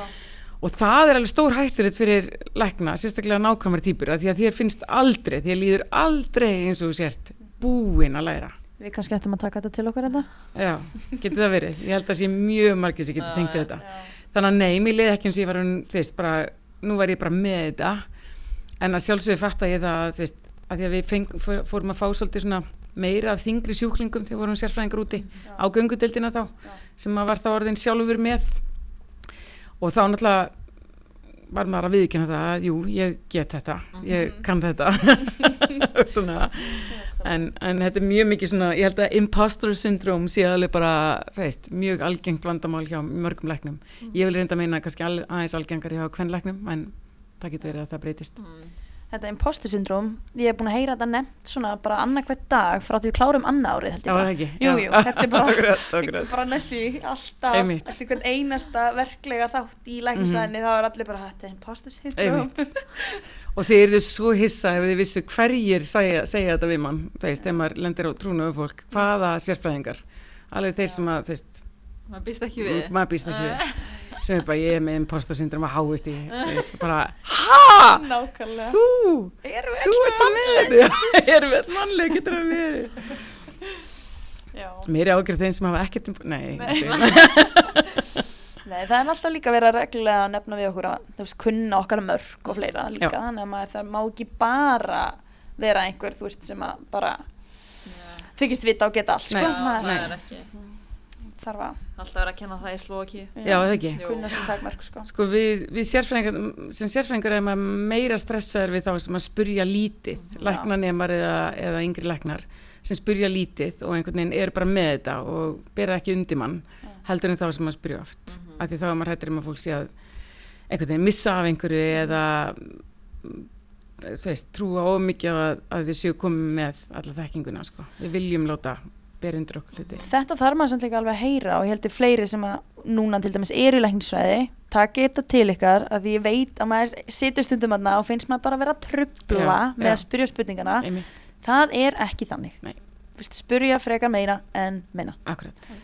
Það er Já. og líka lækna nema sko fá mest út úr kursunum og svona ef þið þóra að spyrja Já. sem mest Já. sko. en ég skilða líka vel að þetta sé svolítið svona intimidating að koma inn á spítala og bara já endilega spurði mm, nei, ég er ekki að fara að gera það finnst maður alltaf vera að trubla já, akkurat en svo er náttúrulega yngri læknar hjá okkur er líka bara rosa duglegir að kenna þannig að það er kannski minna skrif fyrir læknar nema að spyrja einhvern sem er sér námslæknir eða kandidat heldur en spyrja sérfræðingin Já.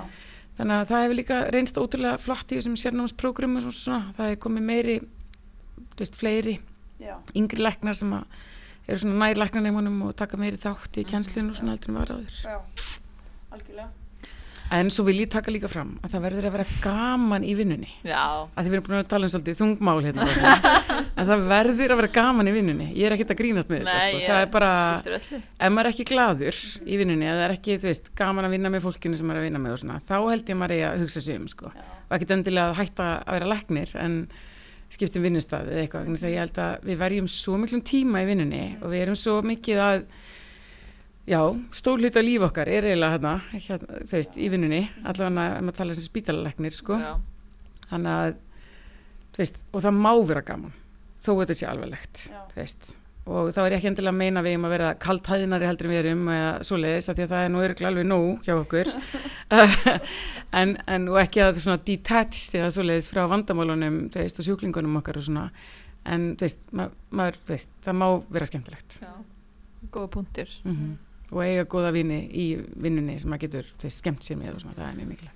Mín upplifun er að það er mjög auðvelt að gleðja heilbriðstarfsfólk Mhm. það þarf ekki nema eina vínabrúslengju Já. og það er allir bara þetta er svo frábær dagur akkurat. toppurinn á vikunni Nákvæmlega. það er algjörlega sko, maður er að vera að vinna á deild hérna, því ég var að vinna í stöðu sjúkrarlega Já. á Tórax skörð Já. og það var alltaf, alltaf góð stemming þegar einhver komið bakkelsi Já, sko. og sérstaklega þegar sérfræðingarnir komið og, og komið með hérna, brauð úr bakaríinu og túnfissalat og Já, eitthvað já, Algjör smá degur. stemming. og ég veit að hefur verið mikið gert grínaði sko að hérna, þú veist, sérstaklega á álæðinu á bráðmáttökunni að það að panta pítsu og það er bara að redda málunum Já, fyrir já. starfsfólki fólki, Já. sko. Já. en það er fáránlegt hvað pítsa er mikill plástur Já, sko. það er bara það er bara- það bara allir á skítafloti Kemst og enginn búin að ná líka við sko að anda halminlega svo bara pizza og það er allir bara endur nærðir að fá nákvæmlega, nákvæmlega, það er ekki mikið meira En svo líka talandi um hérna, e, veist, einmitt, umræðina og ástandi á bráðamáttökunna þetta sem að, veist, er svo sannarlega vandamál. En sko, ég væri samt bara að koma því að landspítalinn er ótrúlega skemmtilegu vinnustæðir og þú veist, mér líður bara rosalega vel að vinna á landspítalinn. Þannig að mér finnst bara svona, þú veist, maður þarf að fá að koma því að líka, sko. Mér, fi- mér finnst alveg frábært að vinna á landsbyttar Já. sko. ég get ekki beðið eftir að fara að vinna en alveg sko. og ég, einn skemmtilegsta sem- vinna sem ég hef verið í var að sko. Já, að- einmitt, einmitt, einmitt. nú að gera allavega Ná, að gera. við erum allar sammála því allavega Já. Já, já. flott hérna, herðu, förum aftur í, í nýrnalækningarnar Mhm.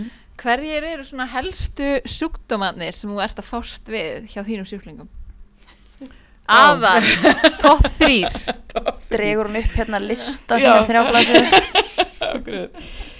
Um, vá, ég er aðalega fást við, þetta er svona flokkar, þetta er svona bráðunýrnaskaði út af alls konar, livjum og eins og ég nefndi áðan á gergislinni og svona.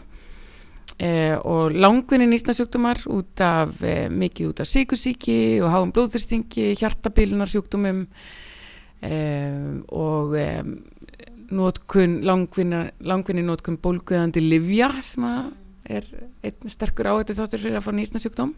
Íbúfen? Akkurat, Ibufen og Naproxen og Voltaren og allt þetta. Eh, sem að margir hafa notað út af stóðkjörisvanda svo árum skiptir og þannig að vita því að nýrun eru hægt og bítandi að súpa segja því. Svo erum við mikið að, að sinna fólki sem er ígrætt nýra. Og þá kannski skiptir oft minna máli af hverju nýrnabilinu varð uppálega heldur meira bara hvernig sinnum við þessu líffari þannig á sjúklingnum. Þannig að það geti gengið sem mest og best og lengst.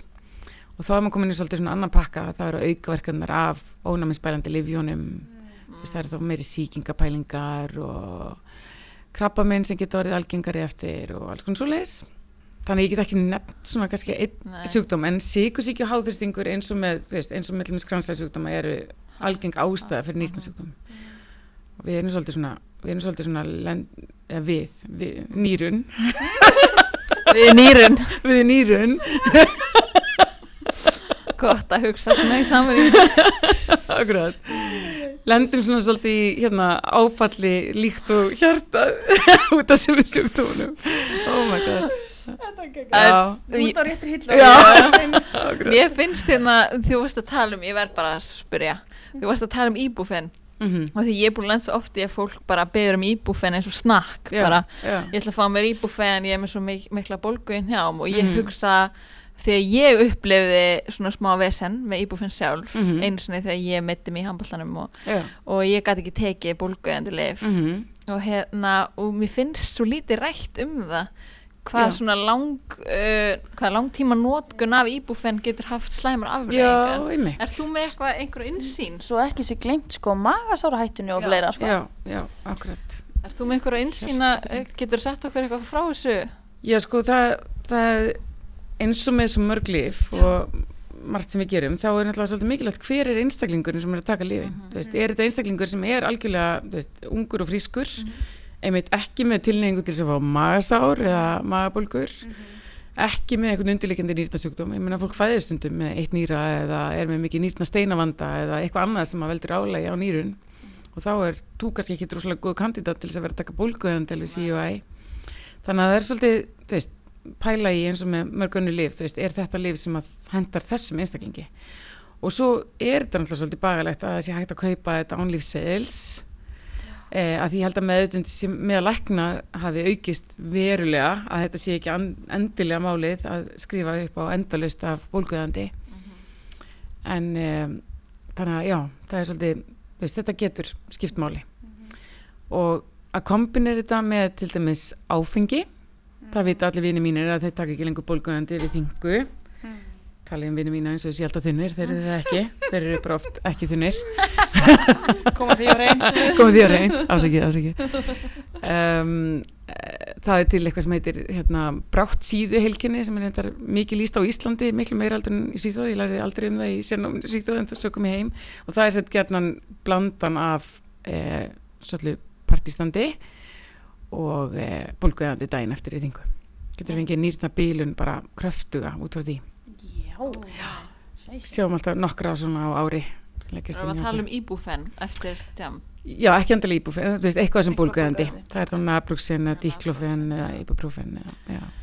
en eru þið mikið að sjá ungt fólk koma inn með bráðan nýtnarskaða eftir einhverja lifja misnótkun Nei, ég get ekki sagt mikið, alls ekki. Lang, lang flestir eru, e, sem komið inn um bráðun nýrnaskaði, eru kannski á einhverjum eins og sem þvagræsi livjum og blóðþrýstingslækandi livjum ákveðnum flokkum og verða svo veikir, þú veist, kannski fá bara magapest eða influensu eða eitthvað og halda samvösku samlega áfram að taka öll blóðþrýstings og hjartabilnalifin sín og allt saman og er orðin skraufþur þegar komum bráðamötugu og þar með með nýrnaskaða. Það er til dæmis mjög, mjög algengt vandamál.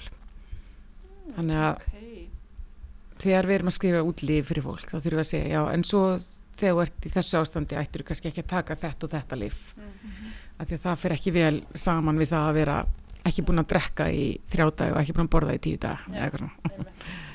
eða í tengslu við aðgerðir þú veist, þá sért ekki bara taka lífin þín bara blindandi no matter what, sko, sem er í gangi með heilsunni en öðru leiti og svona. Já.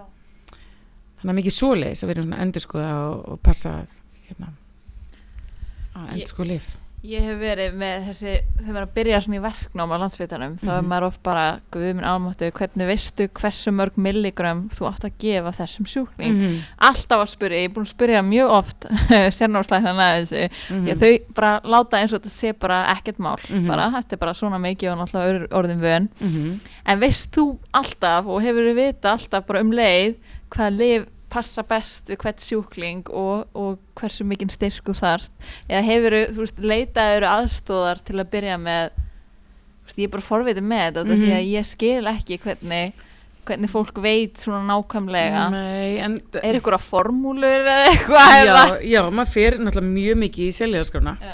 Og ef að hún getur ekki svara manni þá fer maður í svona livjaskráður sem eru, þú veist, erlendar, einhverju erlendar gagnugrína Medicine.dico Já, þú myndir gera það, ákveðið, ég fer á fass.si og svo eru svona ítalegri líka livjagangrina sem maður getur leita í, þannig að maður kannandi ekki, að því að maður náttúrulega lærir tíu livja utan að eftir einhvern ákveðin tíma.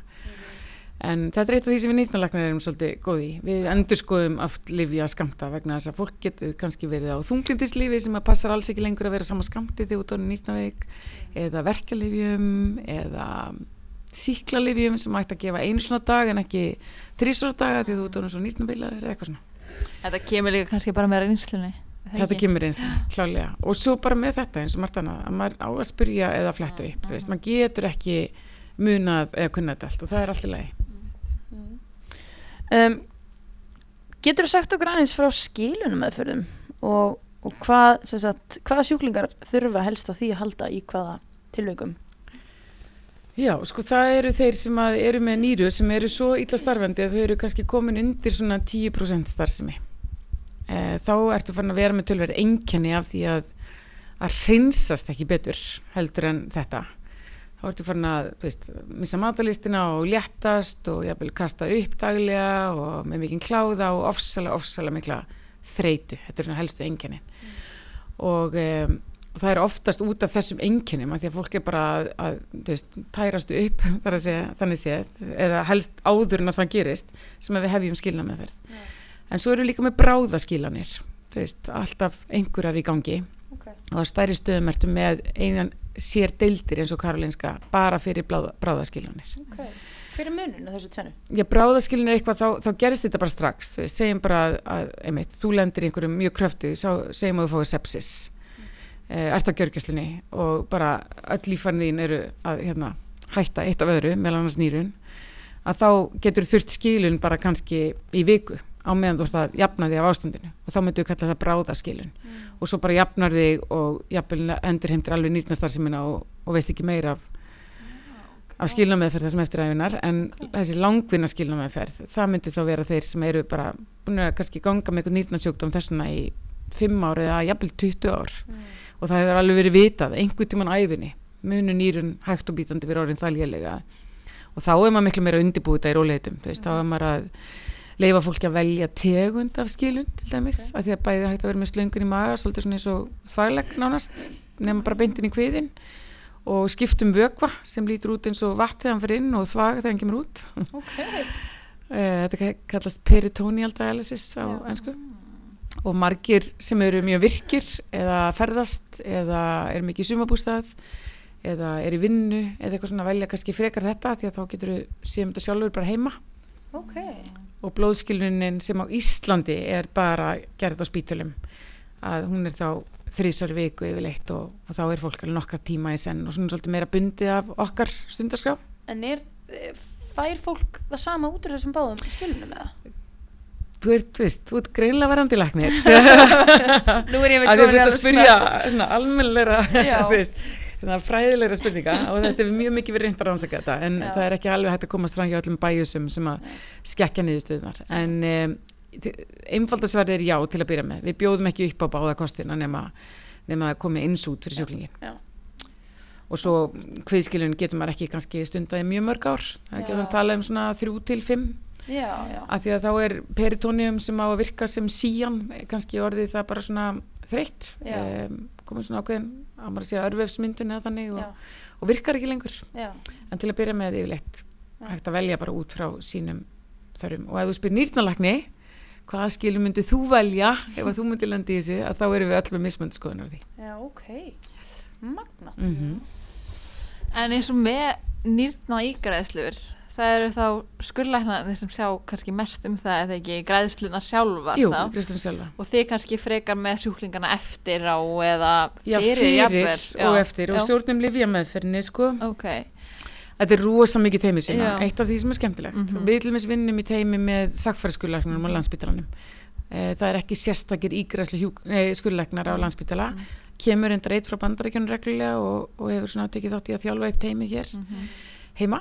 Ok. En, eh, en erlendi sér þetta viða sérst, sérstakir ígræðslu skurlegnar ok sem eru bara í lifur og nýrna og bris og svona ígræðslu Mér finnst þetta svo magnað sko, ég veit ekki alveg hvernig þetta virkar en er þetta ekki þannig að, að fólk sem er með nýrnavandamál getur fengið nýra frá einhverjum ættingi eða einhverjum, einhverjum í sama blóðflokki og risfaktor er það, Já, er jú, það- það, þarf ekki vera ættingi endilega, Nei, sko, ok. getur verið bara getur einhverjum til bæ, verið, já. það þurfa bara að passa hérna blóðflokkurinn og, og svona undirflokkarnir, Já, ok. vefjaflokkarnir það er svo forveitnilegt Já, þetta bara gerist ótrúlega margt spennandi í þessum bransa, allir minnst farið að gera alls konar svona þú veist, cross um, ígræslur, Mhm. þú veist, ef að þú myndi vilja geta gefið einhverjum en þið passið ekki saman að þá getur mögulega verið hægt að finna annað par þar sem að, veist, eins og í greis já, ég ætla að ég myndi að segja þessi greis, þar sem þetta voru átta pör eða eitthvað sem að þetta hljómaði algjörlega útúbíst á þeim tíma en þá var þetta nú samt að byrja sannilega svona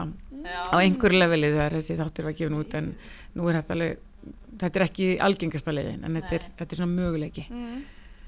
En við höfum hérna byggt upp prógram með yfirmaður minn og, og fleiri með henni eh, byggt upp prógram sem er núna örgulega hátt í 20 ára þar sem hann byrjaði að gera ígræslir á Íslandi úr lifandi gjöfum en áfram gert úti ef einhver þarf að fá látnumgjafa en síðustu hvað, 2-3 árin þá erum við farin að gera eins úr látnumgjöfum líka á Íslandi. Þannig að ef það er einhver til miss á gjörgjöslunni sem að deyr og vill já, já, hafði gefið í skinn að vildi vera gjafi þannig að þetta er ætlað samþykki í dag samkvæmt lögum en það er alltaf samt alltaf getur aðstandandi þú veist, bakkað með það svo sem sko. Maður er ekki valtað yfir neitt okay. en þá er það yfirleitt þannig núna þá kemur teimi frá Svíþjóð og uh, sækir sett öll líffæri nema annað nýrað. Þá er það skilja eftir hér og þá er hægt að gera ígjösluna hér heima. Ok, mm ok, ok. Um, á svona öðru en samt áhugaverðu þú ert formaður vísindasöðanendar, það ekki? Jú, passar já, hvernig kom það til?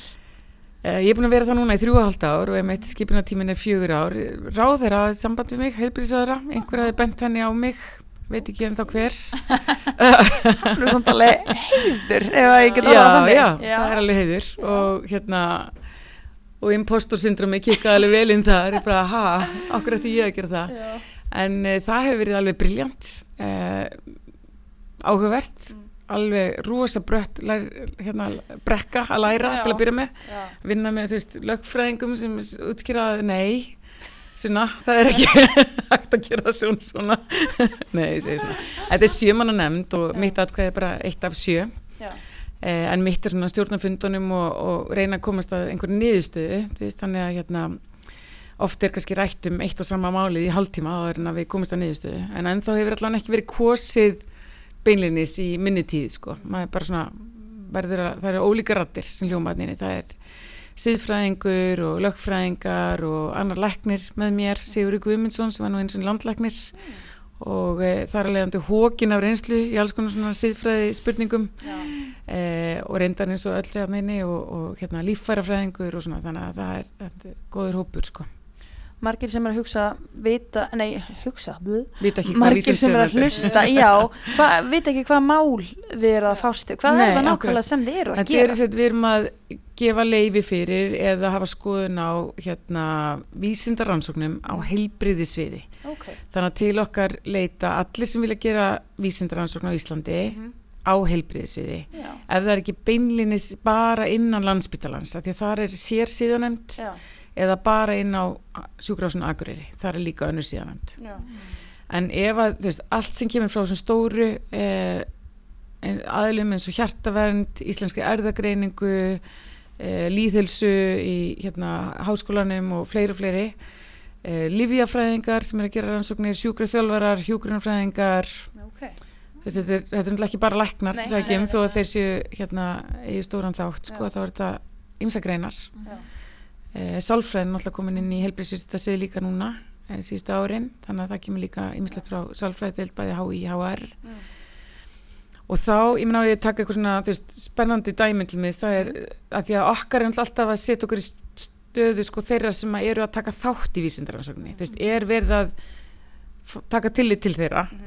Þannig að til dæmis að þá að rannsaka lif á börnum að þá eru sérstaklega svona, veist, þá staldrar maður sérstaklega við að því að veist, hvaða getur hafa þau til að segja já, ég er til að taka þátt þessi rannsók Mhm. það verður alltaf að vera forraðamaður sem að samþykir það en börnin þurfa líka að fá upplýsingar sem þau geta skilið Mhm. og við fáum, verðum að fá að sjá allar þær upplýsingar, veist, hvernig er þetta orðað gafkvært barninu, er þetta tungumál sem að áttur barn getur skilið að það eigi að taka blóðpröfu svona svona oft eða gera þessar þessar mælingar?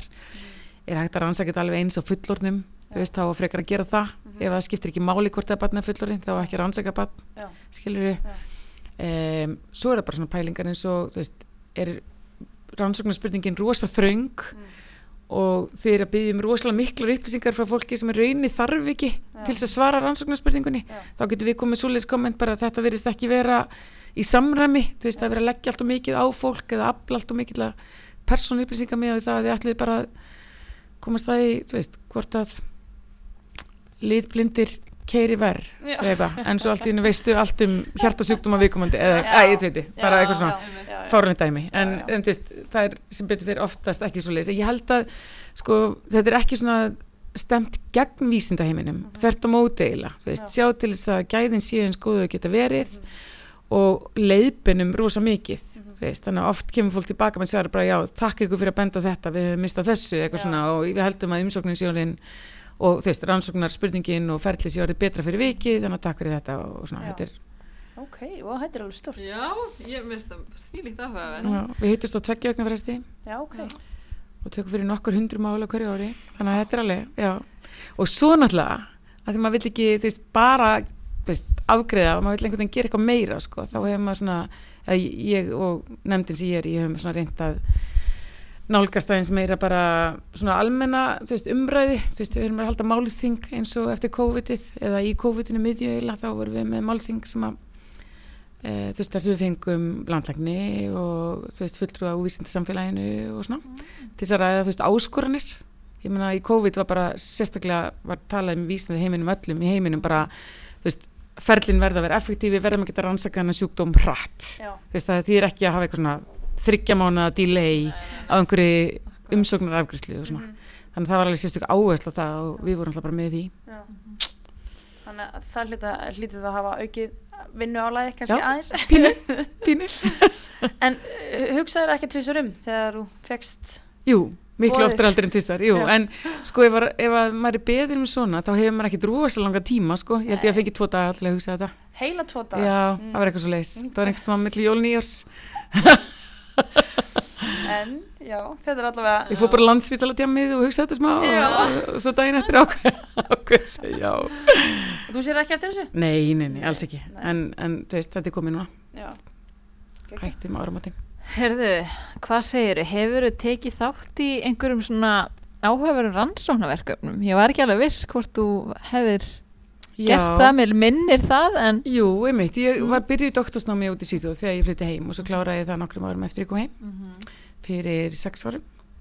Og við vorum að gerum svona frekar stóra rannsóknir á skilnasjúklingum og hjartasjúkdumum svona þessi tengsl. ok. Þannig að það hefur svona verið mitt áhuga svið svolítið. Já, þú ert alveg með doktorskráðu líka, já, Mhm. alveg rétt. Mm Vá, það er rétt rockstjörna Já, veit það nú ekki en, en það var líka Imposter syndrómin. já, já, nei, nei, hvaða, hvaða? Skýra þáttinn bara imposter syndrom það þarf ekki meir. Já, akkurat. Nei, nei. Nei, en talandum að hafa gaman í vinnunni, við myndum eiginlega bara svona svolítið hóp, við vorum svolítið mörg sem að höfðum byrjað í doktorsnámi úti í Svíþjóð og ákveðið svo út af fjölskyldaðastöðum oft og svona að flytja heim og vorum ekki búin og það var svona svolítið erfitt að vera svona langt frá leiðbyrnandarinn sínum og rannsóknarhópnum úti og svona. Þannig að við settum upp svona smá net eða ekkit smá, ég er uh, æfa mig að segja ekki smá nei. eins og, já, allavega. Og hittum svona svolítið til þess að peppa hvort annað upp og, og vorum svo að æfa okkur fyrir doktorsverðina sjálfar fyrir framann hvort annað og svona, það var mjög skemmtilegt. Já. og erum ótrúlega marg, mörg það er einn maður sem hann eftir aðalega konur af lífrangarsviði sem að höfum klárað doktorinn eftir að koma heim þannig að e, það er bara hægt. Allt hægt. Saknar þess eitthvað að vera þú veist í námi?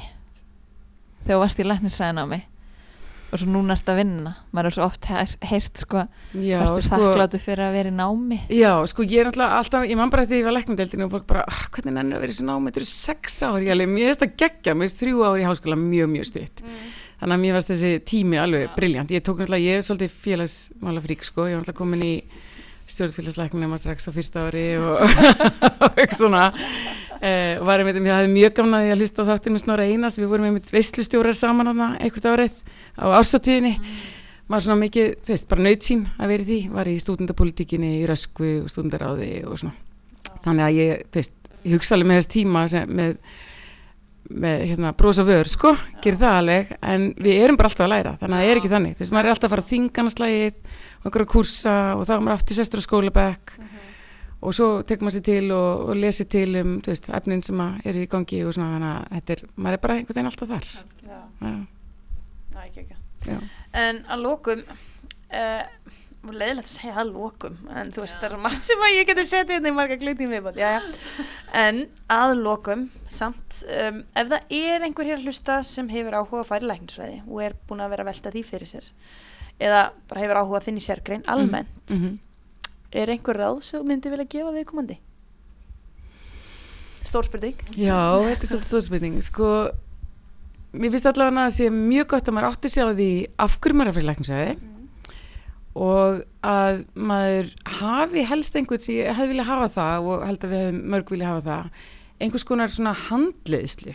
Það er náttúrulega orðið meira í dag en það er samt kannski ekki alveg á þessu svona persónlega level eins og ég held að menn gerir mjög mikið út í veist, engagerinum í sumum tilfellum og svona að bara svona staldra við hann að slægi og svona, þú veist, er ég að fara, þú veist, rétt að leið, hvað eru mínir styrkleikar, hvað er það sem að gera mig, þú veist, að góðum einstaklingi til þess að vinna með þetta, þú veist, hvað myndi ég njóta mín, hvað hef ég upp á að bjóða, vera svolítið þar, sko, Já. að því að við erum náttúrulega í vinnu sem að, þú veist, það verður aldrei, þú þarft ekki mjög mikið að e, bera því eftir að bara fá yfir höfu vinnu, það er meira svona bara, nennir að koma að vinna hérna eða hérna eða hérna eða hérna, þú veist, það er svolítið sérstakt í læknisæðina þú bara ert í löngunámi og svo bara einhvern veginn bara svona rullaru áfram í gegnum þetta þú veist, og það er voða lítið að hafa fyrir því að eins og myndi ekki þurfa að gera í ímsögum með öðrum stöðrum þar sem að þú ert spurður bara í viðtölum bara, þú veist, af hverju hættu á það þig og svona, Já. í okkar gerið meira bara svona please, hvað það vinna Já. hjá það vantar svo víða í alvörinni auðvitað er að misanda þetta í sérgrinni Já.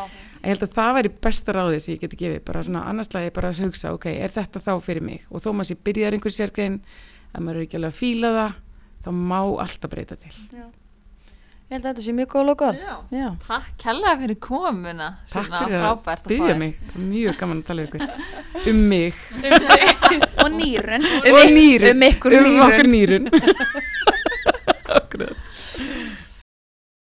Já, þau voruð að hlusta á okkur ólugu tala við hana Sunnu Snædal nýrnalækni Mm alveg Ég- frábær kona Já, ég vona innilega þið hafi skemmt ykkur eins vel og við skemmtum okkur í Já, viðtalinu. Ég minn eini, það var svo gaman hjá okkur Já, þetta var mjög skemmtilegt og mjög einlægt viðtal. algjörlega, ég bara ég er hérna, alltaf- Það er alltaf gaman að ná líka góðri tengingu við þá sem maður að tala við, þannig að and- andrúmsloftið er afslappað og ég held að flesti fundið það að það leiði öllum vel í þessu viðtali. við Ólegu lærðum mikið af þessu og, og erum afar þakkláttar uh, viðmælum okkar sem koma að hafa tíma til að koma og spjalla við okkur og, og hérna, þökkum öllum fyrir og, og vonum að þið hafi áhuga á að, að hérna, halda fram að hlusta. Við erum með tvo aðra þætti í framhaldi og, og hérna já, endilega fylgja okkur inn á læknarspjallið á Instagram og subscribeið á, á helstu hlaðvarsveitum eða viljið vera in tune með nýjustu þætti. Já, og svo líka alltaf ef að það er einhverju sérstakir sem þið hafi huga sem þið viljið heyra í, þá sendu okkur bara línu. Það Endilega, hafa alveg komið fyrir spurnir sem við höfum náðu uppfylla, hann er bara endilega sendu okkur línu ef að, ef að það er eitthvað sérstakt sem að þið, eitthvað sérstök, einhver sérstök, uh, hvað sem að sérgrein eða, eða eitthvað sem þið hafið í huga og viljið koma til skila. algjörlega, var það frábært. Yes, uh, bara bless í byli yes blessi Billy.